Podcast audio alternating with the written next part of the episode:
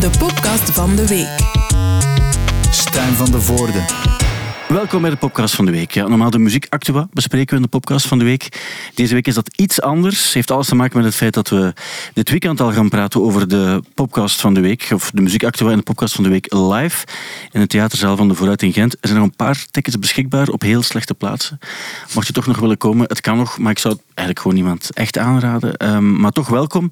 En dan hebben we het over de belangrijke rode draden van deze week. Zoals bijvoorbeeld uh, die intro van Meteor door Daan. Die eigenlijk ook min of meer zijn oorsprong kende in de podcast. We hebben ook uh, Kirsten Lemaire die live een tatoeage zal laten zetten. Uh, neemt zijn duimering ook mee. Wat heel belangrijke dingen die met muziek actueel te maken hebben. Daar gaat het over gaan. En dat allemaal in het kader van 40 jaar Studio Brussel. En daar gaat het nu ook over. Ik dacht, wie kan ik dan vragen als het gaat over 40 jaar Studio Brussel? Want ik kan heel veel mensen vragen. Maar ik dacht, ik wil ook mensen die ook echt oprecht iets met muziek hebben. En ook echt iets gedaan hebben voor en op Studio Brussel. En ik dacht, ik kan het misschien vragen aan Chantal Patin. Dag Chantal. Hey, dag Stijn. En aan Jan van Biezen. Dag Jan. Dag Stijn dat jullie er zijn. Als, als het dan zo om de vijf jaar is een belangrijke verjaardag is voor Studio Brussel, dan worden jullie altijd door alles en iedereen gevraagd om nog eens terug te denken aan die tijd. Kan ik me voorstellen. Is dat met, uh, met veel plezier dat je dat dan nog doet, uh, Chantal? Ja, ja, met heel veel plezier. Ik heb hier uh, ontzettend graag gewerkt. Ik heb zoveel muziek leren kennen, zoveel muzikanten leren kennen. En, uh, en ook alle, alle kanten van het radiovak natuurlijk. Ja. Dus uh, nee, met, met heel veel uh, liefde ook. Zo, voor de zender, voor alles wat hier is gebeurd. Um, ik wil er wel even op wijzen dat wij toen in totaal andere omstandigheden radio maakten. Weet je nog, Jan? Ja, Zo'n hele kleine studio. En daar werden dan drumstellen in geplaatst. In eigenlijk een studio waar iemand gewoon het nieuws moest lezen echt zo zotte boel. Dat was echt rock en roll. Wel, daar wil ik het graag over hebben. Uh, maar ik zeg dat, dat uh, jouw periode vooral de jaren 90 periode is geweest op Studio Brussel. Ja, u moet uh, gewoon vermijden om naar mijn leeftijd te vragen op die manier. Daar was ik niet half aan het, naar aan, aan, het vissen. En dat is ook niet zo heel belangrijk. Jan, ja, je, je was er ook vanaf de jaren 90. Ja. Maar ik zeg dat jullie dan de jaren 80, waarin het allemaal begonnen is, meegemaakt hebben als, als luisteraars. En um, ik heb dat niet echt actief meegemaakt. Maar ik vroeg me wel af, hoe, hoe hebben jullie die jaren tachtig en vooral dan Studio Brussel ervaren? Want het is een heel bijzonder tijdperk. Ja. Uh, en als ik, als, ik het goed, als ik me goed kan voorstellen, is het begonnen als echt zo meer een stadsradio, waarin vooral het verkeer heel belangrijk was. Ja, klopt. Uh, er was toen uh, qua radio niet zoveel op de markt, zeg maar. Er waren veel vrije radio's en die deden het goed. en als het over de BRT ging, dan had je op Radio 2 wel een aantal programma's. Guus de Koster, Luc Jansen, maar de liefhebbers van, van de, de, betere pop en rock en alternatieve muziek, die er toen echt wel was, je had New Wave en van alles, die, die vonden eigenlijk, die, die, ja, die konden nergens terecht. En toen waren er heel veel vrije radio's, alle soorten vrije radio's. Ik had er zelf ook zo eentje trouwens. En, uh, Welke? Um, uh, ik had er geen. Ik, ik was bij een vrij radio, ik moet corrigeren. Radio Freeland in Opwijk. Hè. heel leuk en, en, echt heel alternatief. Maar dus de, de BRT liep wat achter en, en Jan Schoukens, um, de, de, de grote man, zijn naam moet nu al meteen vallen, vind ik. Want geen Studio Brussel zonder Jan Schoukens, Chantal, ja. um, had het idee opgevat om een beetje rebel als hij is, om binnen dit bastion, toen nog de goede oude BRT, eh, om, om met een radio te beginnen. Hij had ongetwijfeld al een veel groter plan, maar initieel was het effectief dus een radio die um, de Brusselaar moest bedienen en de pendelaars, de mensen die naar Brussel pendelden. En dus vooral um, ja, uh, nieuws en vooral ook verkeersinformatie voor die Vlaming als antwoord toch ook wel op die vrije radio's. Ja, um, was het echt zo je zegt nu wel rebels. Was het echt zo rebels als het ging ook over een playlist bijvoorbeeld? Um, ik heb een aantal van die playlists bekeken. En als je het vanuit deze tijdsgeest bekijkt, viel dat nog wel mee in, in, in wat er gespeeld werd op de radio dan? Ja, ik denk dat dat nog vrij braaf was in de presentatie en zo. Maar ik, zo het begin van Studio Brussel, ik weet dat niet meer goed. Ik was eigenlijk vooral iemand die luisterde inderdaad naar Juste Koster. En Domino deel 2 natuurlijk, ja. met uh, Luc Jansen. Ja. En um, ja, dus dat, dat weet ik eigenlijk. Maar het begin was, was een, een brave popradio. Ja. Hè? Dus uh, het alternatieve karakter waar Studio Brussel nu nog altijd uh, een reputatie voor heeft, is vooral in de jaren negentig gekomen. Dat had ook te maken met, met wat toen allemaal gebeurde in de muziek en met een aantal mensen die rondliepen en die, die de zender mee stuurden en toelieten dat, dat die, die weg opging. Uh, Mark Konen, maar zeker nog een naam die voor mij part moet vallen, die toen Erik Smout, die, die eigen gereid en eigen wijs. En dat heeft, dan is de zender in de jaren negentig... Um, ehm, ja, toch wel eigenwijs geworden. En, en, en, maar dat had ook te maken met het enorme aanbod in de jaren 90, ehm, waar er heel veel muzikaal gebeurde en, en Studio Brussel de vinger aan de pols hield. En in de jaren 80 was het een, een hele goede radio, eh, maar, maar nu niet uh, exceptioneel alternatief mm. of zo. Ja, er is veel gestart al in de jaren 80. Uh, je hebt bijvoorbeeld de eerste tijdloze in de jaren 80, 87. Eerste aflevering van het Leugenpaleis, 1988. En dan zie je ook wat bijvoorbeeld in de eindafrekening stond uh, van al die jaren. Ik zie bijvoorbeeld dat er um, Simple Minds in 85. Madonna stond op één in de eindafrekening van, ik denk dat toen een andere naam had, met Papa Don't Preach in 86. Dan de handelsbalans of zo. De handelsbalans. En dan is dat Allemaal typische namen van Jan Schoukers. Jan Schoukers is echt een, een, een taalvirtuoos. En heel veel van die namen, de tijdloos heeft hij bedacht. De afrekening, de handelsbalans. Hij had ook altijd hele vreemde namen voor de medewerkers. En waar wij nu spreken van een medewerker of een producer. Ik weet nog, ik, ik ben begonnen uh, helemaal onderaan de ladder. Dat was letterlijk singeltjes uh, sorteren, ja. uh, wegsteken en naar de studio dragen in van die oude um, ja, typische ministeriekasten ook. Dat was mijn job twee jaar lang en hij had mij de naam libero gegeven. Dus geen medewerker of muziekmedewerker, maar een libero, zoals in het voetbal. En dan belangrijke functie op zich. Belangrijke functie. En dat de mensen die net een trapje hoger stonden, waren eigenlijk de producers, die eigenlijk iets moesten beslissen af en toe. Die had hij de naam sheriff toebedacht. En hij zelf uh, uh, was natuurlijk de, de president fondateur. Ah ja. Ja. En zo werd hij graag aangesproken?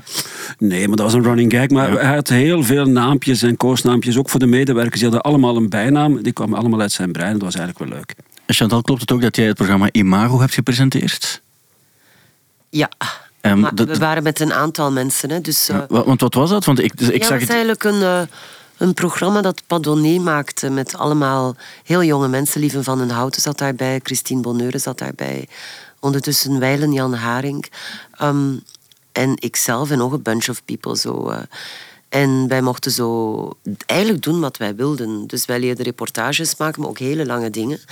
En uh, het was eigenlijk uh, ja, een soort van talentpool, zou je kunnen zeggen. Ja. En, uh, en van daaruit... Ik, ik, ik heb toen voor het eerst achter een microfoon gezeten. Ik wist niet eens hoe zo'n ding eruit zag. Ja.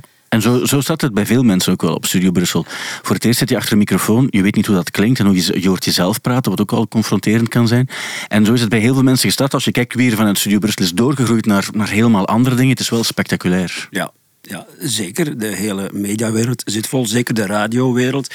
Maar ook op tv eh, en uh, vol Studio Brussel. Ex-Studio Brusselaars, ja. Absoluut. Als je kijkt, ja. Veel, heel, heel veel mensen die nu het uh, nieuws presenteren. Van, van Kathleen Kools tot noem maar op. Die allemaal ja, een roots hebben. Of, of toch een beetje geschiedenis bij Studio Brussel. Dat is altijd een aspect geweest van Studio dat, dat Die talent factory, zoals dat dan heet. Hè. En nu nog, als je kijkt naar mensen zoals Fien en zo. Ja, kijk, je kreeg ook... Um heel veel kansen. Hè. Dus ik vond dat onwaarschijnlijk, want eigenlijk waren we allemaal niet opgeleid om radio te gaan maken. Tegenwoordig kan je daarvoor naar school gaan, wat nog altijd geen garantie is natuurlijk om het dan te maken. Mhm. Maar ze lieten nu gewoon doen. Um, ik, ik vond dat achteraf bekeken ook wel behoorlijk traumatiserend. Ik, Op welke manier? Ja, je, je kreeg gewoon niets van uitleg. Uh, ik, ik, ik, ik, Paul de Wijngaard is nog altijd mijn goede vriend. Maar dat was echt crazy. Ik moest de zondag voor het eerst een programma presenteren van 8 tot 10. Met een playlist van Walter Groothuis, by the way.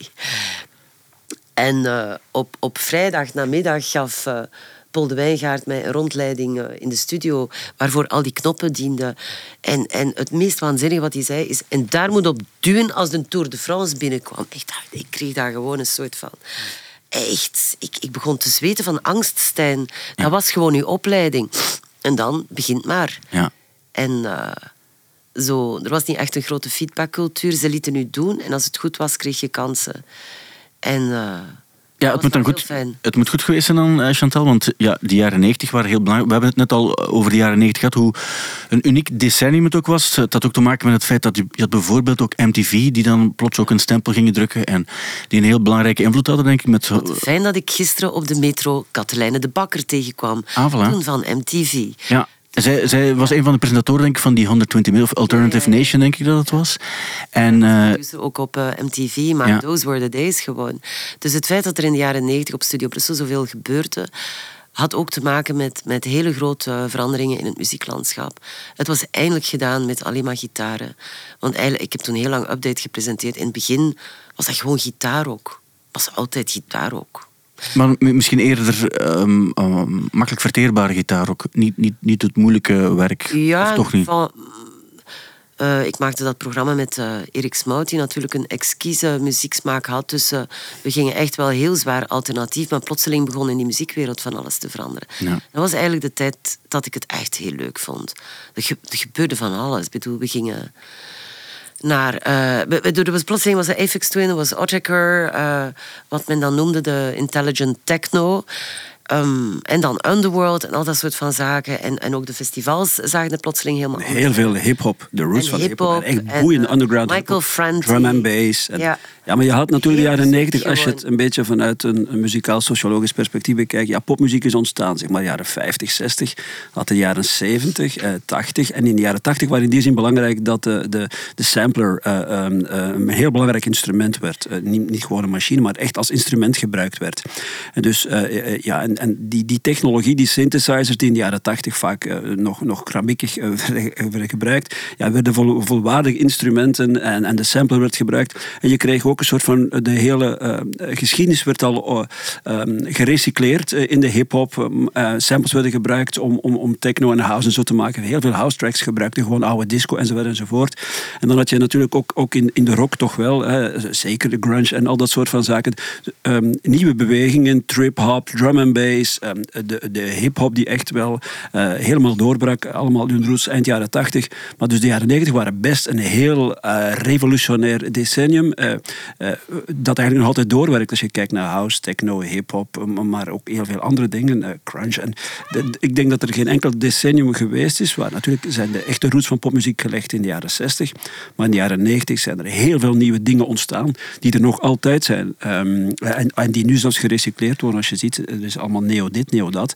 Ja, vaak gaat dat terug op stromingen van vroeger en vaak ook uit de jaren 90. Drum and bass is een jaren 90 fenomeen, mhm. bijvoorbeeld. Ik denk ook in de hoofden van de mensen, als je over de jaren 90 spreekt en het gaat over bijvoorbeeld, de af, je hebt de afrekeningscd's die dan ook uh, plots ontstaan. Mensen denken ook vaak nog in een, of in hun hoofd zit nog ergens het, het gevoel dat alles wat op die afrekeningscd stond ook dagelijks gespeeld werd op Studio Brussel, wat niet altijd correct uh, was, denk ik. Mm, ik denk dat het een combinatie was van, van uiteraard die muziek, zoals die nu nog altijd vaak enkel in de afrekening te horen is.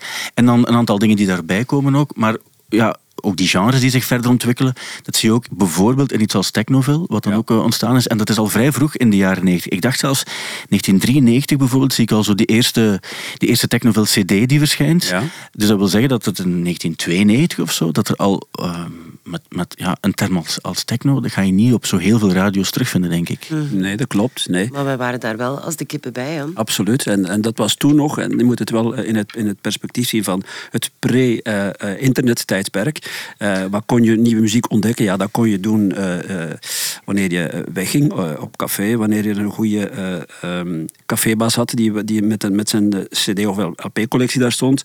je kon naar de radio luisteren. dat waren de, je kon erover lezen tijdschriften. Maar dat waren de bronnen voor, voor mm. muziek. En dus het belang van radio om muziek te ontdekken was toen gigantisch. Hè. Je had echt programma's die daarvoor in het leven geroepen werden om uh, het beste van de nieuwe techno, dat, uh, de technofilm. Maar ja, we hadden ook soulprogramma's, we hadden een bluesprogramma, we hadden, en alle liefhebbers van die muziek, hè, die konden daar terecht. En dat was een bron naast, die, naast het concertcircuit mm. en naast de printed media. Er was niks anders. Ja, Alles is gigantisch veranderd als het gaat over radio. en eigenlijk in het bepalen van onze keuze hingen wij heel erg af van wat in het buitenland natuurlijk gebeurt. En ik weet nog dat ik gewoon elke week de Melody Maker uitlas. Als dat toekwam, dan moest je weten van wat staat daarin. Uh, eh, NME was ook heel belangrijk. We hadden toen ook popnieuws op Studio ja. Brussel. Dat maakte ik dan de vrijdagavond. En, dus je ging echt af van wat er in Londen en zo gebeurde. Dus iedere keer als ik naar Londen ging, kwam ik terug met een pak platen. Dat deed Erik ook, maar ook Amsterdam was heel belangrijk. Mhm. En... Uh, dus ja, hier was gewoon heel weinig. Je had wel Riffraff, je had een Gonzo Circus, een um, beetje mhm. humo, maar die bleven maar over gitaren schrijven. Het spijt me heel erg. Um, maar het gebeurde wel elders. En, uh, maar dat was toen wel in de jaren negentig, toen Stubru toch zijn nek uitstak om dat allemaal te gaan oppikken en te durven doen. Um, de rol van Studio Brussel was toen, en het was zeker niet, er waren absoluut uh, um, uh, nog ongetwijfeld radio's en, en andere initiatiefnemers in Vlaanderen die nog veel um, alternatiever waren. Maar het was wel voor het eerst dat het op een nationaal forum, de, de, de underground en het alternatieve werd toen wel, wel uh, publiek en, en, en, en alternative becomes mainstream. Dat is toen wel ook in de jaren negentig gebeurd. Hè. Bands zoals uh, Nirvana enzovoort enzovoort. Ja, oké, ik kan niet zeggen dat het nummer 1 in de BRT top 30 stond, maar toch, er was een soort van alternatieve muziek in de jaren negentig die mainstream werd. En, en waardoor je hele gro grote bewegingen kreeg, zoals grunge en zo, die op zich zou je kunnen zeggen, ja, dat is alternatief, maar tegelijkertijd was dat razend populair. Ja, als je op één staat, zoals een Smells Like Teen Spirit heeft gedaan in uh, 91, 92, dan weet je dat dat, dat, dat ja, effectief uh, alternatief niet, niet onmiddellijk het juiste woord is, maar je zag nog wel dat er meer extreme dingen gebeurden die populair werden. Ja. Misschien omdat mensen ook wat gehad hadden met wat er ervoor was, maar op Studio Brussel zie je dan bijvoorbeeld de Technoville, begin jaren 90 al, maar ook een, een uh, Metalopolis ontstaat dan, hè, wat dan met de, de harde gitaren waren. Ja. Allemaal in diezelfde periode had je die verschillende genres die zich ontwikkelen en die dan ook meegepikt worden op Studio Brussel, waarbij je uiteraard ook voor en tegen hebt. Want zo werkt dat bij muziekliefhebbers. Die zijn zeer uitgesproken in wat ze graag horen en wat ze vooral niet willen horen op hun favoriete radiozender. En dat is altijd zo geweest op Studio Brussel, denk ik. Wat cool was aan de jaren negentig, dat oké, je had die verschillende... En ik ga niet zeggen dat iedereen die naar techno luistert ook naar, naar Metalopolis luisterde. Absoluut niet. Maar er waren wel uh, nogal wat genres die, die, die, de mix maakten. En, en dan had je uh, groepen zoals uh, The Prodigy, maar zelfs Beastie Boys, die eigenlijk een rock attitude met hip-hop. En je had heel veel melange de, de melting pot. Underworld, hè, dat, die brachten gewoon die dingen samen. Dus het was voor eerst een soort van harmonie tussen die twee... Uh, ja, soort muziekliefhebbers die elkaar bijna na het leven stonden. Zo. Dus ja, techno on stage, dat Wij kregen zo echt, echt hele agressieve brieven. Er werd toen nog geschreven, beste Stijn, op een gele briefkaart. Van, mm. dat kan toch niet? Dat is echt wel heel straf. Uh, en plotseling, ja, je zag het ook vertaald in de festivals. Dus het, heel het ecosysteem veranderde eigenlijk mee. Dat vond ik wel. Maar toen hebben we gewoon gecapteerd wat er echt leefde. Dus eh, ja, we, we, deden het wel en, en, en we, we, we, hadden de vinger aan de pols. Um, maar eigenlijk was het gewoon wat er in de muziekscene aan het, aan het leven was. Um, um, in het buitenland, maar ook, ook hier in België. Dat was altijd mijn missie. Van, maar maar uh, dit, dit, uh, we moeten het ons niet meer afvragen, beste collega's. Het is er gewoon. Ik heb het gezien op die party. Ik, heb die, ik ben naar dat concert geweest. Het leeft. We moeten hier ja, gewoon... Dit is gewoon... Uh, times, times are changing. Laten we mm. gewoon met Stubru de vinger aan de pols houden. Dat is heel belangrijk. Nou, nog, je zei het zelf ook al. Het is heel belangrijk om nog even te vermelden. En mensen die, laten we zeggen 35 plus zijn weten dat ook, maar het internet bestond niet echt in de jaren 90 te zeggen. Het bestond wel, want de eerste website van Studio Brussel was er al in 1995, wat blijkbaar een programmaschema was dat uh, ja, opende op een ja. vier, vijftal minuten tijd. En dan, um, dan was het daar ook. Dus je kon niet noodzakelijk muziek ontdekken, laat staan dat je dingen kon downloaden, dat je blogs kon lezen. Je moest het echt gaan opzoeken en je zei het zelf, dan ging je naar Londen, uh, waarschijnlijk ja. zo de Berwick Street omgeving, naar platenwinkels. Om daar dan... De luisteraar die kon alleen maar luisteren. Ja. Ja, maar dat is ook wel fijn natuurlijk. Ik ben daar soms wel een beetje nostalgisch over dat radio toen zo belangrijk was. Dat is heel gek, hè? maar ik kom elke week iemand tegen die weet dat ik daar toen werkte en die naar Update luisterde. Mm -hmm. Zo'n programma eigenlijk, ja, er was alleen dat. Allee, als je echt into alternatieve muziek was en heel veel nieuwe releases en was zotte dingen en zo. Het was echt gek. Ik kwam van het weekend nog iemand tegen en die leek mij veel jonger dan ik zelf. En ik zei maar, mm, bedoel je wel hetzelfde? Ging het echt over dat programma? En hij zei, ik was toen dertien. Ja. En wellicht luisterde de papa of zo. Dat is echt fantastisch. En nu, ja, oké, okay, muziek zit overal. Ja. Ik heb een zoon Muziek is on demand nu en, toen had je gewoon live broadcasting. Die heeft, dat is heel erg, maar die heeft die radio niet zo nodig. Die vindt het zelf wel. Mm -hmm. ja. ja. En uh, ja. Toen was dat anders? Een nostalgisch momentje. Ook bands die, die langskwamen. Je vindt bijvoorbeeld nog steeds, als je in ons systeem kijkt, vind je bijvoorbeeld de update-sessie van Blur, die hier ja, ja. dan ook weer... Was, was jij er ook bij toen? Ja. ja. Dat soort bands, ja, toen was dat een, een van de vele bands waarschijnlijk die langskwamen, maar uiteindelijk wordt het dan legendarisch en dan mm-hmm. weet je dat je er wel bij was. Bij dat is eigenlijk zo het weer allemaal is geweest. Hè. Wie, wie is er nog geweest, bijvoorbeeld? Uh, voor sessies, goh, ik, ik bedoel, ik kan dat niet allemaal opnoemen, maar ja, heel veel Belgische bands uiteraard. Hè. Deus in de eerste plaats. Die hebben hier een eerste sessie voor de radio gespeeld. Um, iedereen van de Superstars en Metal Molly en, En, uh, en Luc de Vos natuurlijk, maar echt werkelijk iedereen. Dus, uh, maar de muziekindustrie werkte helemaal anders. Het promovoeren was nog een... je, had, je had rijke Echt? platenfirma's, want zij hadden al... Promomeisjes op En uh, ja, we, dan, we werden dan uitgenodigd om, om met een busje journalisten naar Londen te gaan. Zo heb ik zelf daar Bowie kunnen interviewen of John Cale. Allemaal helden ontmoet. En, ben je vrij volgende week? Hè? We hebben een interview met, met Bowie. Oké, okay. amen. Dat soort zaken. Maar die hele economie draaide anders. Ook dat is helemaal veranderd. Beste Jan, dat was het privilege van de Libero's. De presentatoren moesten gewoon in Brussel blijven zitten. Geen Bowie for me, man. Ik zat hier s'avonds tot tien uur, elke dag. Ja. Ja. Maar, maar zo maak je het ook wel mee. En het feit dat je op die manier mensen in een vrij vroeg stadium leert kennen, maakt het ook alleen maar interessanter. Jan, ik denk dat je het ook hebt gedaan in de meer elektronische muziek, dat je mensen ook heel snel hebt leren kennen. Uh, ja, klopt. Uh, en voor eens en altijd. Ik, ik, ik ben vrij lang geassocieerd geweest met, met soms zelfs uh, de, de, de titulatuur van een pionier ben ik absoluut niet. Hè. Het enige wat ik gedaan heb, want ik, ik, eh, mijn roots liggen echt in de pop en in de rock en, en, en eh, Elvis Costello en de hele uh, bon. Uh, maar op een bepaald moment, ja, ik was jong en, en ik, ik, ik was heel ontvankelijk voor nieuwe, nieuwe boeiende muziek. En je kon er gewoon niet omheen. Je, had, je moest al in een hol wonen om, om dat niet, niet te voelen, dat daar iets bougeerde. Ja, en ik werkte dan bij de radio, bij Studio Brussel, waar er nog wel iets... de Nijdrop in Opwijk. Ja, oké. En ik ja, bon. Eh, eh, en ik draaide ook veel, niet alleen in Nederland, maar in het hele land een beetje. En toen, toen um, uh, ja, heb ik als medewerker van Stubru gewoon de kans gekregen. En ik ben een aantal mensen nog altijd heel dankbaar voor.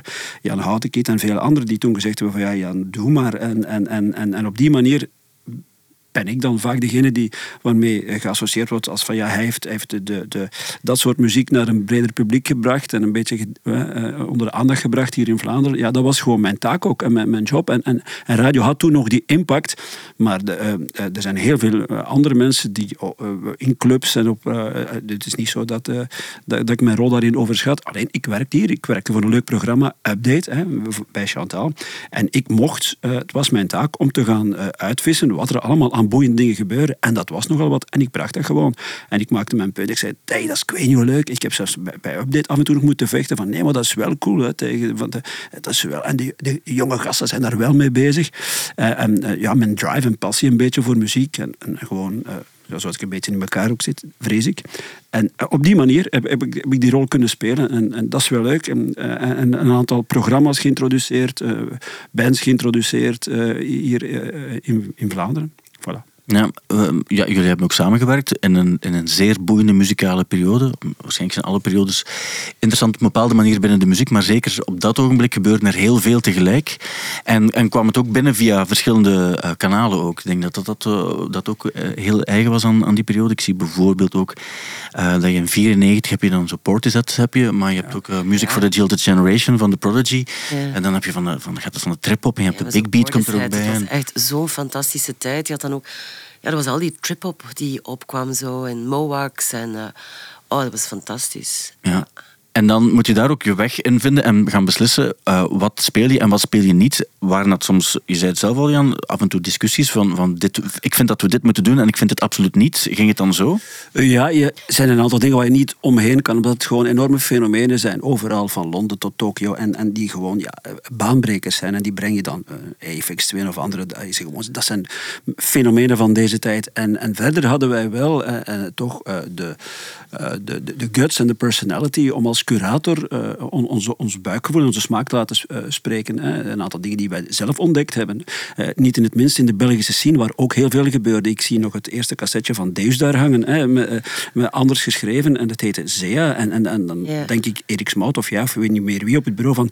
want we kregen een massa cassettes, maar dat cassetje, iedereen had zoiets van... Hey, maar, maar dit, is wel iets speciaal. En dan hadden we het aan de muur gekleefd, hè, want we kregen honderden cassettes en uh, promomensen liepen echt het bureau plat. Uh, maar en, ja, we hadden wel een goede neus uh, toen, denk ik. En, dat, en, het werd ook geapprecieerd. Ik weet nog dat uh, Tom Marman ook over jou zei van uh, waarom heb je het gedaan? Wel, omdat Chantal het me had gevraagd. Uh, en die, die dankbaarheid was er ook wel op dat ogenblik. Ja, dat is wel fijn. Ja. Maar wat Jan ook zei, dat eigenlijk, wij waren gewoon zo gepassioneerd bezig. Na update, ik reed naar huis. Ik woonde toen in Gent, een stukje van die tijd. En het eerste wat je deed was gewoon alweer een demo in de cassette-recorder steken om, uh, om nieuwe muziek te leren kennen.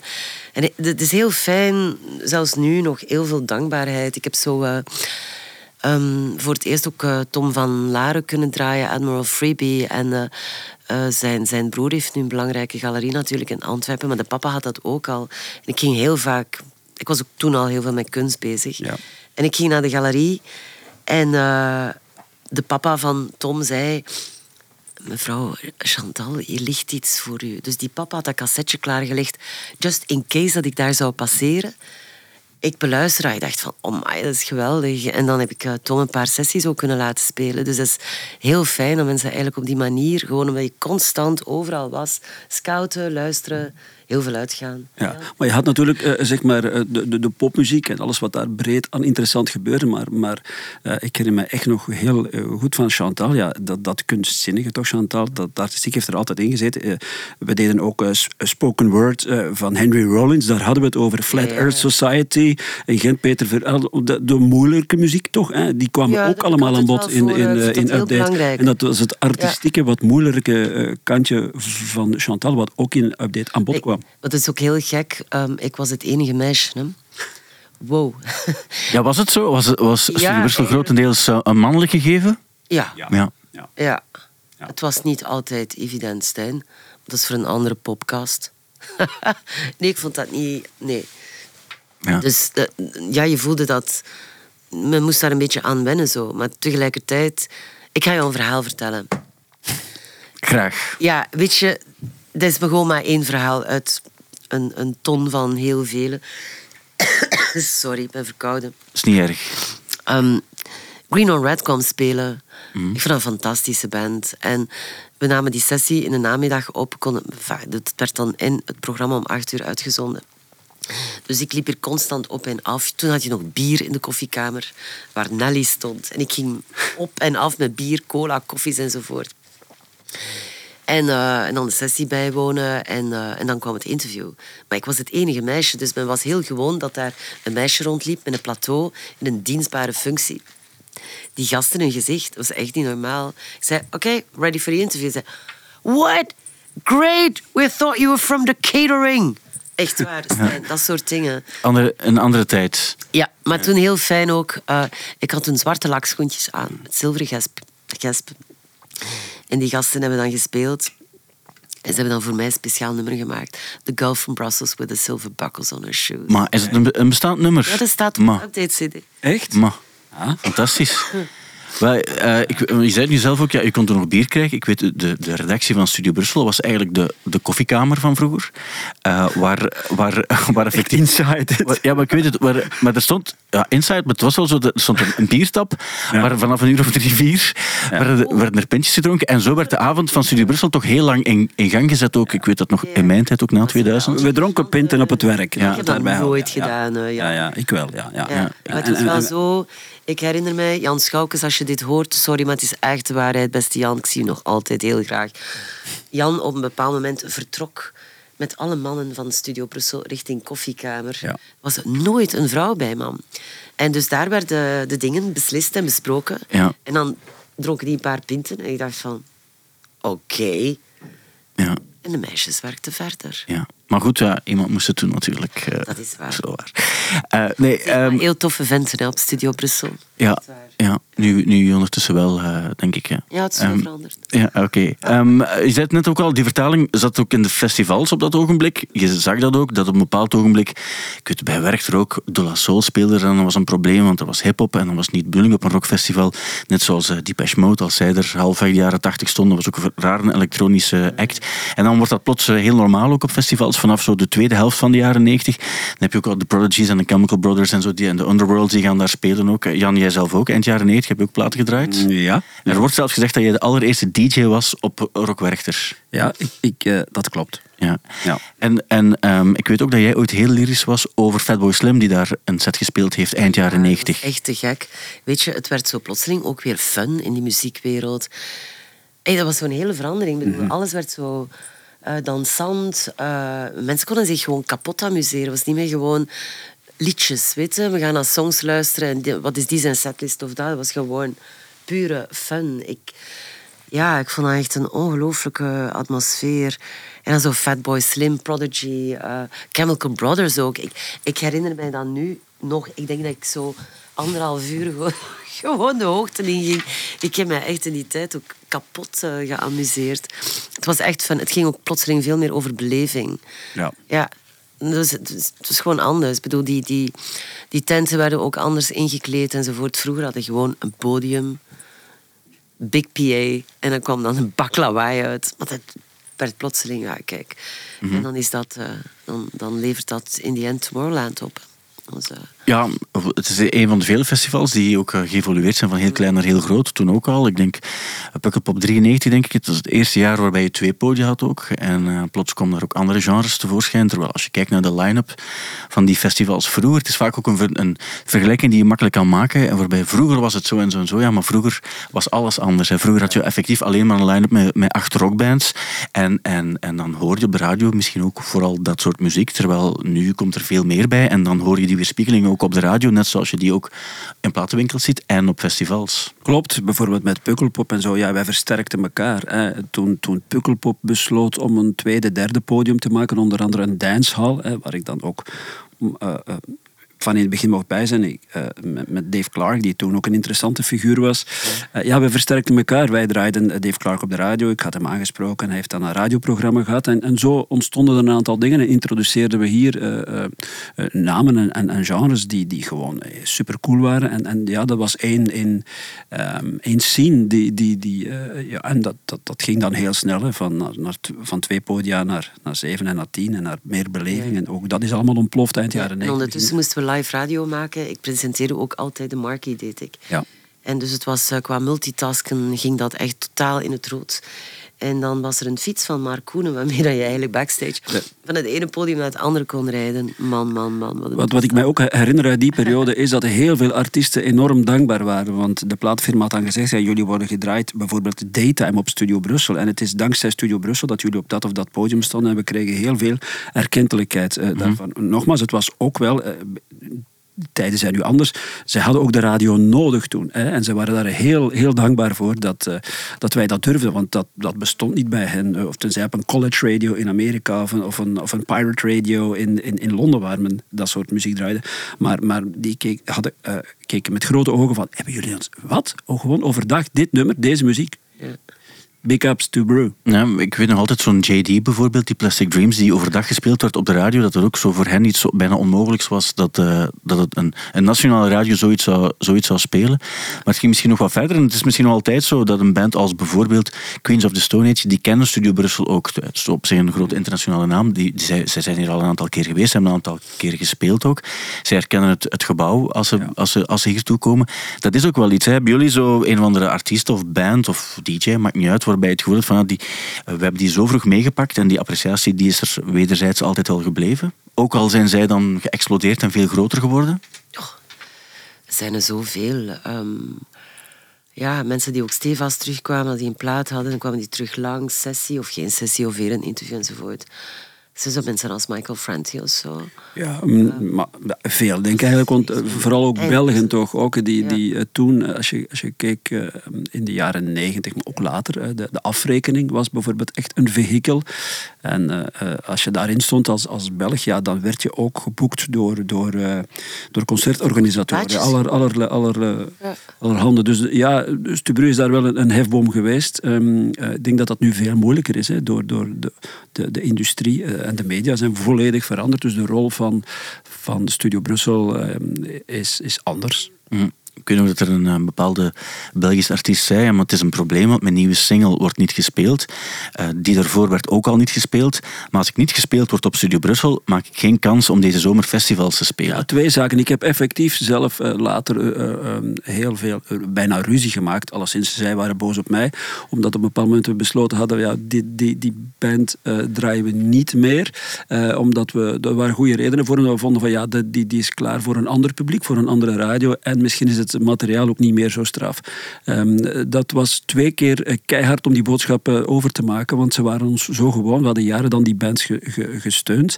Ehm, en, en, en het feit dat dat er niet meer gebeurde, ja, dat werd ons bijna kwalijk genomen. Het werd ook verwacht van Studio Brussel, hè, dat wij de Belgische scene ondersteunen. En dat, dat is ook effectief een belangrijk gegeven. Maar op het moment dat je dan toch de autonomie neemt en zegt van ja, het is niet meer wat het was, of het past niet meer in welk raam dan ook, ja, dan, dan zijn die wel um, boos. Hmm kijk ook, kijk ook naar de jaren 90, begin van de jaren 90. Als je daar een Belgische band op de affiche van bijvoorbeeld een rockwerchter zag, ja, dan veel verder dan de Scaps ging het dan ook niet. En dat was het dan één Belgische band op een affiche. Er waren natuurlijk ook maar 9 à 10 namen op de hele dag. Maar uh, maximum 10 procent. Als je nu kijkt naar, naar veel meer podia, hoe goed Belgen het doen tot zelfs ja, headliner zijn, dat zijn vaak ook bands die begonnen zijn op Studio Brussel. Mm. Maar ja, je voelde jezelf ook ontzettend trots. Ik weet dat nog, als, als Voor het eerst zo'n groot podium kreeg, dan waren wij allemaal ontzettend fier, blij dat dat gebeurde. iedereen had zo'n fantastische band en iedereen had zo meegesteund om, het, om ze ook zo ver te kunnen krijgen. Dus dat was geweldig. Ja. 10, 20 jaar een enorme boom gehad hè, van, ja. van goede Belgische muziek. Als je kijkt naar de jaren 60, 70, 80, ik kan wel een aantal namen noemen, maar dat zijn er op zich niet zoveel. Hè. Er zijn die, die ertoe doen. Hè. Maar, maar, op een bepaald moment is het echt ontploft, die Belgische scene. Um, een bepaald ogenblik is er op Studio Brussel, hier in de Marconi-studio, uh, de, de afrekening live geweest. Omdat ik dacht, ja, zo, zo goed als helemaal Belgisch was. Niet helemaal, maar ik denk meer dan de helft of zo was Belgisch. En um, ja, dat zegt op, op zich ook wel veel, denk ik. Dat die dingen ook uh, gemaakt worden, dat is misschien ook inspirerend voor andere mensen die weten van als wij zelf met muziek gaan beginnen, is de kans heel groot dat we, als we goed genoeg zijn, dat we opgepikt worden en dan kan er naar ons geluisterd worden. Terwijl als je dat niet voelt, dat er een radiozender is die die dingen ook gaat oppikken en gaat opzoeken, dan is het misschien veel moeilijker. Dus op dat ogenblik heb je misschien ook een bepaalde impact gehad op het, uh, ja, op het op het maken van muziek in een bepaalde tijd. Zeker, maar dat was de tijdsgeest. Nogmaals, uh, de, de, grote breuklijn voor en na internet. Ja. Ja, internet interessant. We, ja, 95, ik had toen geen. Ik, in 1995 ben ik denk ik nooit op het internet geweest. Het bestond wel al uh, op Studio Brussel, of er bestond een website. En dat is op zich al, al, uh, al een uniek gegeven. Ik denk niet dat er, dat er veel websites van radiozenders waren in 19... digitale fotocopie. Dat was eigenlijk één pagina, een digitale fotocopie. Zal ik jou nog een gênant verhaal vertellen, Stijn? Ja, hoe meer, hoe beter. Ja, ik ging naar Jan Houtkiet. En ik zeg, Jan, ik wil een e-mailadres. Die keek mij aan met een blik van, wat moet ze nu weer hebben? Echt waar. Ik vroeg een e-mailadres. En ik kreeg er één. En ik had vijf vriendjes. Niet te doen. En dan is het eigenlijk gewoon heel snel gegaan. Maar ik zal nooit die blik vergeten. Um, is het snel gegaan? Dat vraag ik me af. Want in, ja, dan wel. In mijn hoofd, in mijn hoofd niet. Hè. In mijn hoofd is het, uh, zal het allemaal wel begonnen zijn halfweg jaren negentig. Maar is het pas ja, vijf, zes jaar later echt zo een, een algemeen gegeven geworden, zo dat internet. Maar, maar, hier was het wel al. Wij waren wel... Kennen. Ik weet dat ik toen, na Update, maakte ik programma's, eigenlijk een kunstprogramma, Frito Victoria. Mhm. Ik had wekelijks een internetrubriek, dus dat begon zo allemaal met piep, toet, kwak en zo geluiden van modems zo. En dan ging ik zo naar een aantal van die whiskids en nerds gaan vragen hoe het eigenlijk zat met het wereldwijde web zo om de week. Jan Houtekief heeft mij trouwens, eh, ik denk vorig jaar, nog eens uh, een... Uh, ja, hij had dat teruggevonden, die opname, hoe Chantal het wereldwijde web aan het uitleggen was met zo nog een heel zacht stemmetje, zo, echt om je kapot te lachen. Dus wij waren daarmee bezig. En, maar toen is het echt in een rotvaart gegaan. Ja, en dan merkte je wel, inderdaad. Ik denk dat we met Studio Brussel op een bepaald moment het enige echte uh, nationale mediamerk waren die zo uh, het internet en, mhm. vooral dan ook in het begin van de sociale media omarmd hebben. Wat, wat meer reden was vanuit die community die Studio Brussel toch was. Waardoor Studio op een bepaald moment wel een hoge vlucht uh, genomen heeft qua, qua aantal luisteraars. En zo. Je, je, kon, je kon je uitdrukken via die Facebook. We gingen met, die, met de, de de, de luisteraars, onze community in, in uh, conversatie. Uh, en vroeger, uh, altijd dat vroeger, maar goed. Ja, je kon een gele briefkaart sturen en we konden jou inbellen. Dat was het ongeveer. Maar op een bepaald moment ja, kon die community zichzelf uiten, kreeg je participatie enzovoort enzovoort. Dat was een heel belangrijke factor voor Studio Brussel om, om, ja, om die olievlek te, te verder te kunnen zetten. Ja, maar toen was ik weg. Ja, toen was jij weg. Nochtans, uh, ik was weet... klassiek geworden. Jan, je, je was, je was onlangs wel nog heel, uh, lyrisch over de manier waarop Chantal Patin de uh, als wat met het internet te maken had, um, wel, wel omarmde en ook gepusht heeft hier op Studio Brussel. Ja, absoluut. Uh, uh, ik ken Chantal al lang. We, zijn, we, komen elkaar nog af en toe in meetings en zo tegen. En ik, wat ik altijd enorm gewaardeerd heb aan Chantal, dat is, één, dat is haar enorme passie en drive. Zo ken ik er geen twee. Maar um, dat is, um, in, in wat ze doet, dat is, ja, ze houdt van de oude meesters. Ze kent haar, ja, haar, haar, de geschiedenis van Afrika tot tot, tot, tot, tot Mozart enzovoort. enzovoort. En dat, dat, dat, dat, dat, ze, she knows her shit. Maar ze en dat combineert ze dan met een ongelooflijke zin voor avontuur, voor experiment, voor vernieuwing en heel die wereld die zij creëert. En, en dat was ook een beetje uh, zoals zij dan over het internet sprak. Alles wat nieuw is en vernieuwend is, de, de, de, het experiment toch. Uh, en dat het een het ander niet uitsluit, vind ik super boeiend. Ik, um, dat iets wat, als ik kijk naar mijn, mijn Spotify nu of dit jaar, de, gewoon, ik luister naar oude blues, maar ik even goed um, luister ik naar, heb ik gisteren naar de nieuwe James Holden geluisterd. Voor mij is daar geen enkel contrast. Eh, en dat is ook wat, wat zoals ik uh, nu de mediamaakster, maar ook de, gewoon de, de, de passionata van, um, van Chantal. En, en ze brengt dat ook over. En dat is zo geweldig en zo belangrijk dat er zo'n mensen zijn die gewoon de hokjes overstijgen. En, en of het nu gaat over beeldende kunst, muziek of wat dan ook. Ja, voor mij staat zo alles open. Dus ik kan onmogelijk in hokjes denken. Dus ik vind Mozart even belangrijk als de Prodigy, bij wijze van spreken. Is ook zo. En, maar dat was toen, toen ik naar Clara ging. My god, zeg. Uh, Chantal is een rebel. uh, Top. Twee jaar uitgescholden. Ja. Dat was niet normaal. Alsof er zo Studio Brussel op mijn voorhoofd stond. Is gelijk aan kent niks van dit, kent niks van dat. Alsof je een soort van onnozel kieken bent. Ik vond dat eigenlijk wel straf. En uh, ik had toen een dagelijks programma en dat kwam in de plek van... Dus ik praatte dagelijks een uur met een kunstenaar, schrijver, filosoof, architect enzovoort. Dat kwam in de plek van een programma dat tafelmuziek heette, beste Stijn. En voornamelijk uit een uh, bedje van blokfluit bestond. Dus ja, wie naar de klassieke radio luisterde, zat middags te eten met tafelmuziek. En toen kwam ik met een op zotte artiesten enzovoort, met muziek die helemaal anders was. Ik, ja, dat was, uh, toen vond ik het heel vervelend dat uh, men op Facebook zo actief was. Onder, onder... Maar ik heb ook de mooiste reacties gekregen van mensen die mij achteraf hebben gemaild. Van beste mevrouw Patin, we hebben u even hartstochtelijk gehaat, want heel ons ritme was om zeep.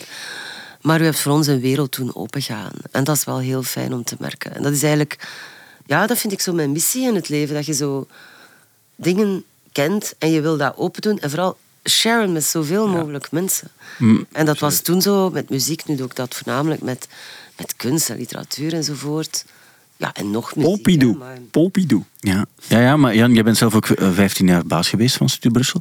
Ja. Um, dan weet je wat het is om eerst... Mensen zijn kwaad omdat er een nieuw logo komt, omdat er een nieuwe, een nieuwe website bestaat. Ja, of een nieuwe jingle voor het nieuws. Het zou verontrustend zijn als mensen niet kwaad ja, wel, Ik weet dat je dat ook altijd zei, eh, dat het op zich een goed teken is als mensen kwaad worden over infutiliteit, want dat wil zeggen dat ze om iets geven. Dat is het, het gegeven wel, denk ik. Maar ik denk dat jij ook eh, beter weet dan wie dan ook, dat mensen soms heel kwaad kunnen zijn en daarna heel heel, gelukkig of zelfs opnieuw kwaad als dan wat er weer verandert, weer verandert. Dat, dat, is de aard van het menselijke beestje. Ik heb dat ook tot, tot mijn scha en schande. Elke keer wanneer iets verandert. Um, uh, en let op, uh, ik uh, heb altijd heel goed geluisterd naar, naar, naar, naar de reacties en ze altijd heel ernstig genomen. Ik, ik, heb, ik leef alles behalve in een ivoren toren en een aantal van die reacties waren ook vaak terecht. Daar heb ik rekening mee gehouden. Ja. Maar dat hield mij niet tegen om een volgende keer toch weer een stap vooruit te zetten of dingen te durven doen. want dat is uiteindelijk, was uiteindelijk mijn taak. Als je alleen maar, en zeker toch bij een merk als Studio Brussel, um, wat toch mee in zijn missie heeft om af en toe iets te durven, uh, dan denk ik, dan moet je dat ook gewoon doen. En dan komt daar altijd reactie op. Maar dat is goed. Ja, ik weet zelf een bepaald... Niet te erg. Ik bedoel, als je daar niet mee om kan... Uh dan kan je er beter mee stoppen. Maar je moet echt wel heel erg tegen de bierkaai Ja, en voor, voor veel mensen is dat ook uh, on, onbegrijpelijk. Hè. Op een bepaald moment, ja, wat hebben we dan met Studio Brussel gedaan? We hadden een, een, een, dansprogramma, Switch. Maar evengoed heb ik op een bepaald moment gezegd van kijk, we, gaan hier, we, hebben iets nodig rond die stevige gitaar. En dan is ik de zwaarste lijst, enzovoort, enzovoort. Voor heel veel mensen is dat incoherent. En uh, hoe langer... Uh, ik begrijp het ook voor een stuk. En zeker omdat er nu heel veel keuze is, heel specifieke keuze rond radio's, rond beleving. En denk, die in die zin is het wel natuurlijk een uitdaging voor Stubru. Waar zit nog de common ground? Um, in de jaren negentig en later was het zeker het avontuurlijke. En, en ik, tot, tot over een, aantal jaren was mijn credo ook de Beautiful Bazaar in Studio Brussel. Als je, uh, laat je gewoon uh, verrassen met wat we allemaal te bieden hebben aan muziek. En of het nu ja, noem het hoe je, hoe je het wil, maar eh, je mag er wel van uitgaan dat het bij Stubru eh, eh, op zijn minst een beetje kwaliteit heeft en, als je ervoor open staat, inspirerend kan zijn. Dat was een beetje de filosofie, maar, maar ik denk dat, dat het alsmaar moeilijker wordt om, om, om die aan te houden, omdat je heel veel, uh, zoveel veel muziek hebt, 50.000 nieuwe nummers per dag op Spotify. Um, uh, en daarvan is er ongetwijfeld heel veel rubbish die niet in, in aanmerking komt voor Stubru, maar ongetwijfeld ook heel veel wel. Ja, en hoe ga je selecteren? Waar ga je, waar ga je op sturen? Het is uh, tough job geworden. Mm, het is wel ook heel interessant om te zien dat jullie, als, we, als jullie terugkijken naar jullie update uh, gegeven, jullie min of meer op dezelfde lijn zaten en iedereen bracht zijn eigen dingen ook wel binnen en dat avontuurlijke was heel belangrijk. En dan plots, eh, ja, rond, uh, rond 2000, uh, Chantal, jij gaat dan naar, naar Clara en, en, en vooral heel belangrijk zijn voor cultuur, ook op de VRT in het algemeen. En Jan, jij, jij wordt dan, je doet dan op Studio Brussel wat je doet en, en, je wordt dan ook baas van Studio Brussel. Dat lijken twee totaal andere werelden, maar ergens is dat gevoel van, van wat rebels zijn, wat we dan koppelen aan Studio Brussel, zit, zit, daar, zit dan eigenlijk dieper in jou. En hoe je het dan uitwerkt, dat is dan, oh, maakt niet uit op welke manier het uitgewerkt wordt. Ja, maar het heeft ook een beetje te maken met een soort... Uh, ja, nogal eenzijdige blik op wat uh, Clara is. Ik vind Clara eigenlijk een heel avontuurlijke zender. Mm -hmm. uh, ik heb niet gezegd dat het niet zo was. Nee, nee, dat weet ik. Maar ja, het is zo van alsof daar alleen het erfgoed zit en het heel klassieke. We hebben ook, ik weet niet, u moet maar eens naar Late Night Shift luisteren op donderdagavond bij ons. Dat is echt waanzinnig wat we daar aan, aan muziek laten horen.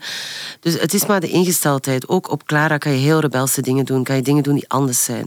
Dus ik heb ook als manager heel veel dingen proberen te veranderen om bij de tijd te zijn, om anders te gaan presenteren, om in de wereld te staan, ook met, uh, met die muziek die eeuwen oud is. En uh, het was lang ook een baseline van Clara. Is klassiek leeft, dat is niet dood, hè, dat leeft. We hebben hele dagen even jonge muzikanten mm als ze passeren bij Studio Brussel. Mm En die spelen gewoon heel andere muziek.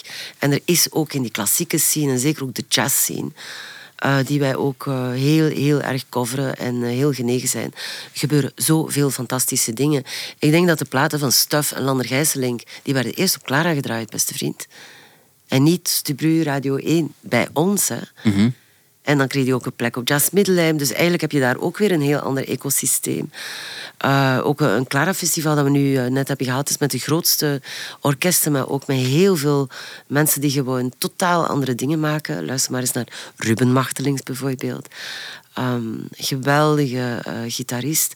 Dus wij hebben ook... Clara is ook niet alleen het puur klassieke. Dus eigenlijk ik moet ook constant heel veel dingen verenigen. Hedendaagse muziek, heel veel experiment. Klassiek, maar dan ook heel veel jazz.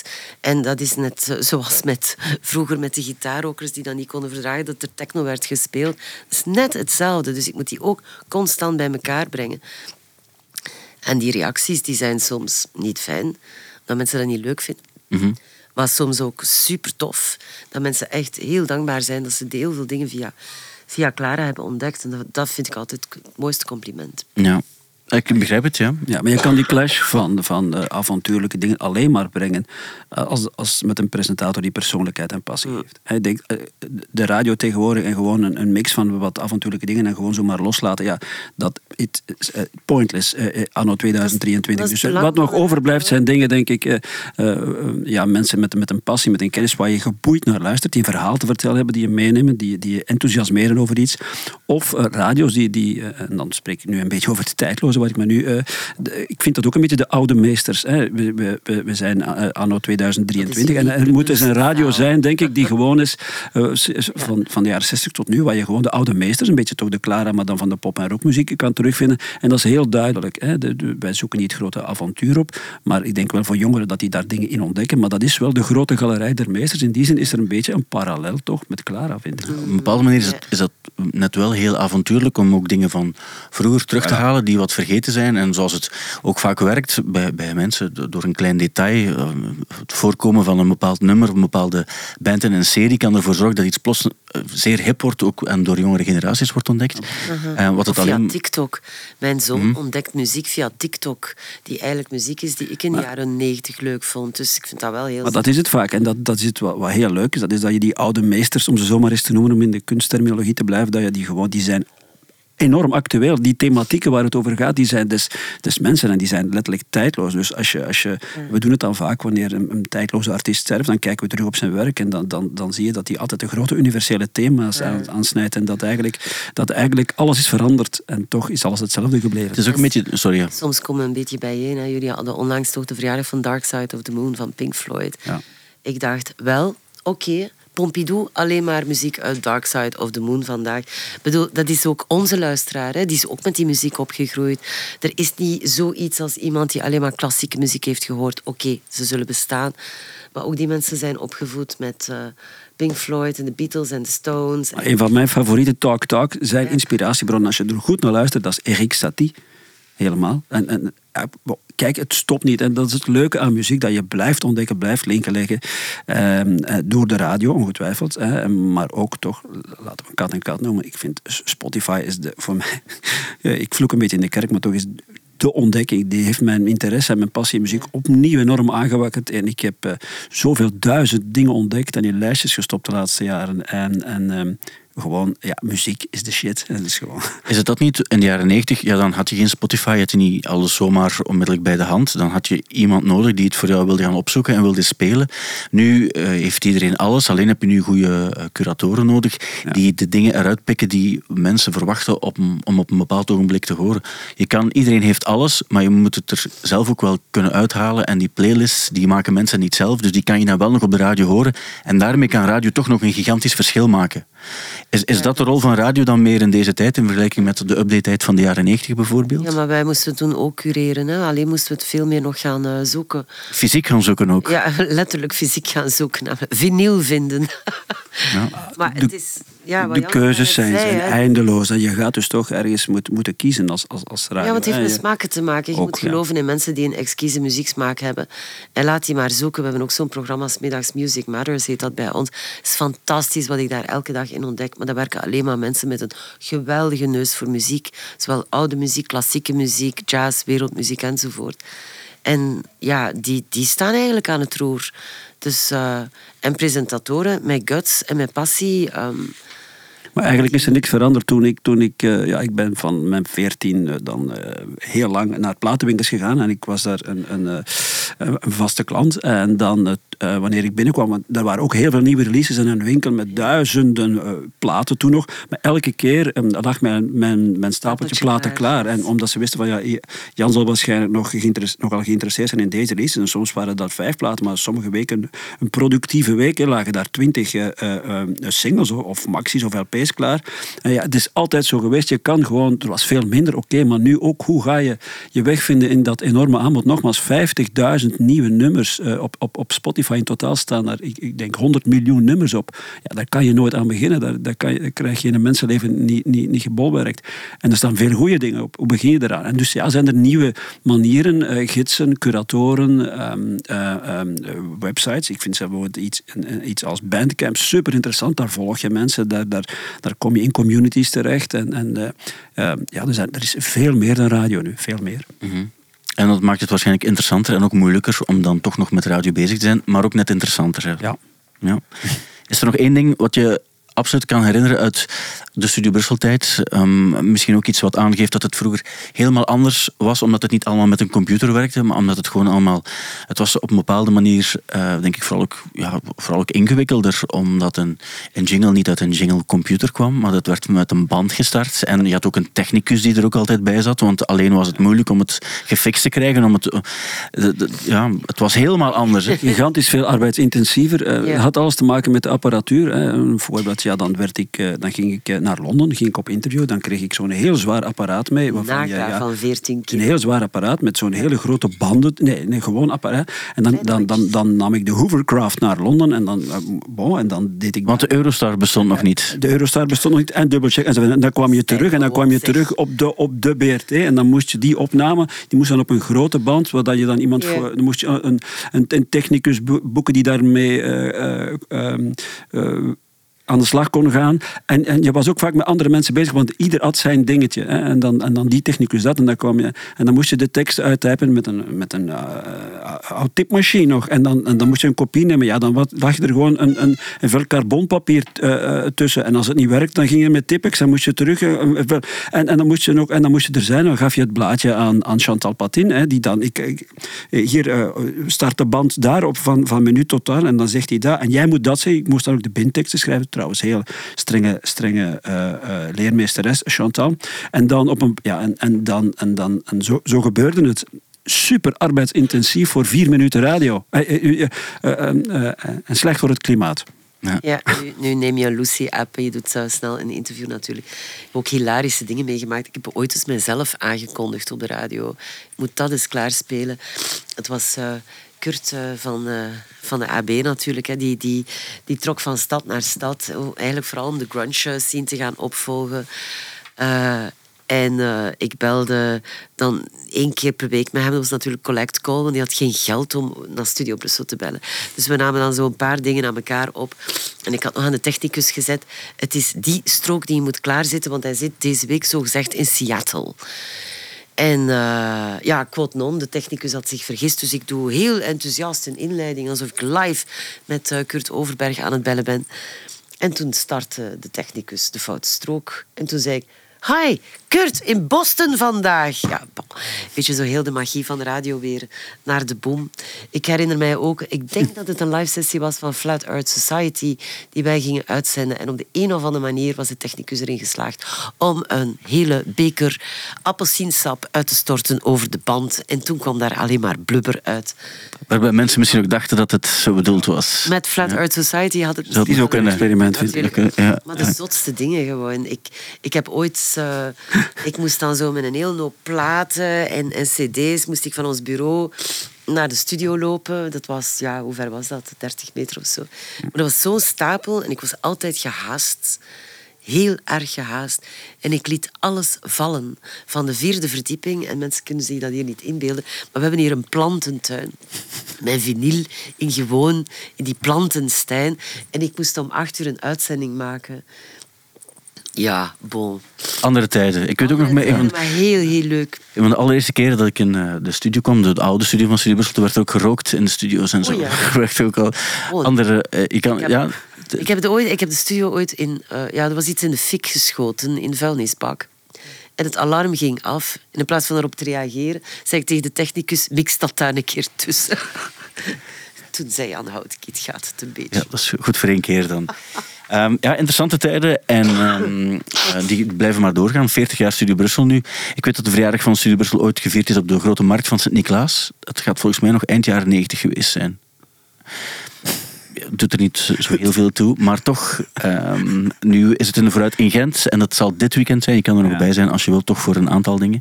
Ja. En, en hadden we het nu ja, oké, de verjaardag was een mooie aanleiding over vroeger, maar, maar ik, ik, eh, ik wil zeggen, er zijn nu zoveel, eh, zoveel goede muziek. En ik moest aan jou denken vanochtend, permitteer me, ik, uh, ken je AISIS? Ik heb het, de, de, dat is de Artificial Intelligence Band, die muziek van Oasis. Dat is waar we nu staan. Ja. ja. absoluut. Ik heb het volledig beluisterd, het is een half uur ongeveer. Ja. En um, het is een geestig experiment. Is het, is het goed? Dat is iets anders. Dus voor mensen die niet helemaal mee zijn, ze hebben geprobeerd om de, de typische klanken van de band Oasis, en dan gaat het over de klank van de Gallagher's, maar ook hoe die gitaarfusie klonken, vooral dan van de eerste twee platen, ze hebben ze iets gemaakt. En uh, het, is, het is niet dat de mensen um, het met hart en ziel gaan meezingen, maar het is wel spectaculair hoe hard het zou kunnen zijn. Zou het kunnen dat de AI, want het fascineert me, eh, ik, ik geloof eh, heel hard in de toekomst van de technologie en van de mensheid, zou het kunnen dat een machine morgen iets uh, à la Mozart maakt? Oh, maar daar zijn ze mee bezig. Je kan, als je al die data invoert, dan kan dat ongetwijfeld. Hè.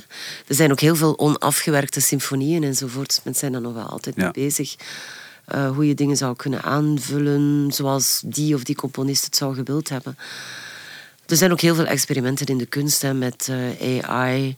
Ik heb nog niet al te veel spectaculaire resultaten gezien. Nee, ik vind het nu persoonlijk ook wel, als je die dingen ingeeft in een uh, chat GPT en zo, dan, dan is men vaak lyrisch over de teksten. En vaak denk ik van, ja, maar je voelt toch dat, dat het, zeker als het gaat over heel, heel, heel brave teksten die dan uitgeschreven worden, het is gewoon niet zo goed dan als het door een mens gemaakt is in gevoel. Maar je, je kan ook AI... En ik heb, maar aan het begin, Ja, ja, absoluut. absoluut. Je, kan, je, hebt AI-presentatoren, AI je typt gewoon de tekst in en, en, en, en, en de computer zal dat wel. Je kan dan zeggen, ik laat dit door een, een, een, een man van 40, een blanke man die, die eh, een, een, een, een rokerige stem heeft. Ja, dan, en je kan die dan wat programmeren en dan kan je, je kan nu artificiële uh, radio maken. Hè?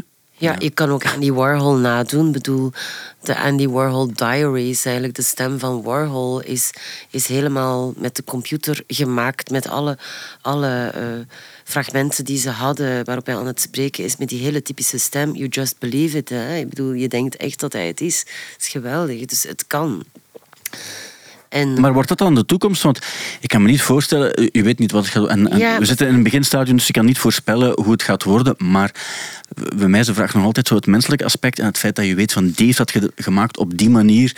Dat is toch altijd een deel van het verhaal en dat, dat heeft toch altijd... Dat doet mij ook denken, hè. Zo het eerste moment dat daar gewoon op Pukkelpop een mannetje ging staan met zo'n Apple laptop dacht iedereen van, zeg man, die haalt dat gewoon uit zijn computer. Dat is niet echt dat is nu gewoon juist hetzelfde.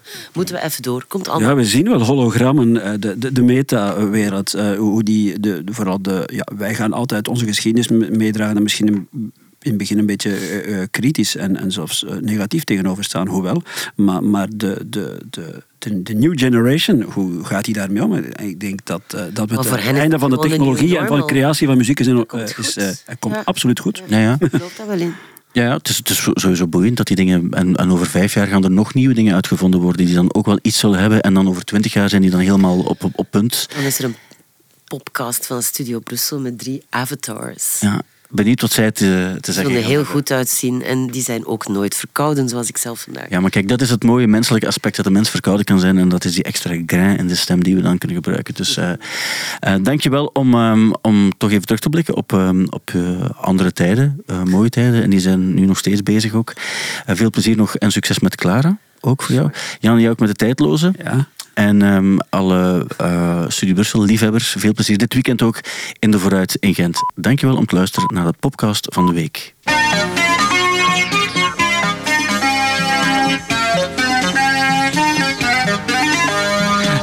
Goedemorgen, vrijdag 1 april. En dit is de eerste ochtendspits van Studio Brussel via FM 102.8 en Middengolf 1512.